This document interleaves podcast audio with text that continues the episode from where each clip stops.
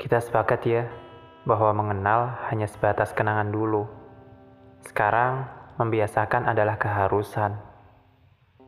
Kalau nanti tiba-tiba mengingat, anggap saja ini kebetulan yang memang tidak bisa dihapuskan.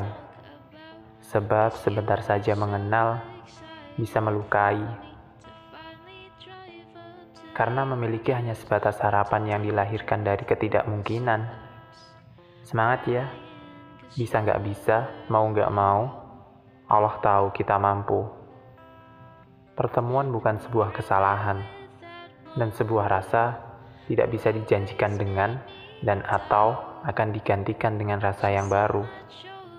Dijatuhkan pada seseorang yang baru contohnya, sebab rasa tidak pernah bersalah. Tapi rasalah yang pada akhirnya memampukan perasaan untuk berhenti. Bukan dia, tapi takdirmu. Waktu kadang juga tidak pernah tepat. Pertemuan yang pernah atau sempat bisa saja tak pernah ada lagi. Bahkan sama sekali. Karena kehilangan tidak bisa disembuhkan dengan maaf atau kesempatan lagi. Kerap menjaga itu disepelekan, tapi akhirnya menyesal.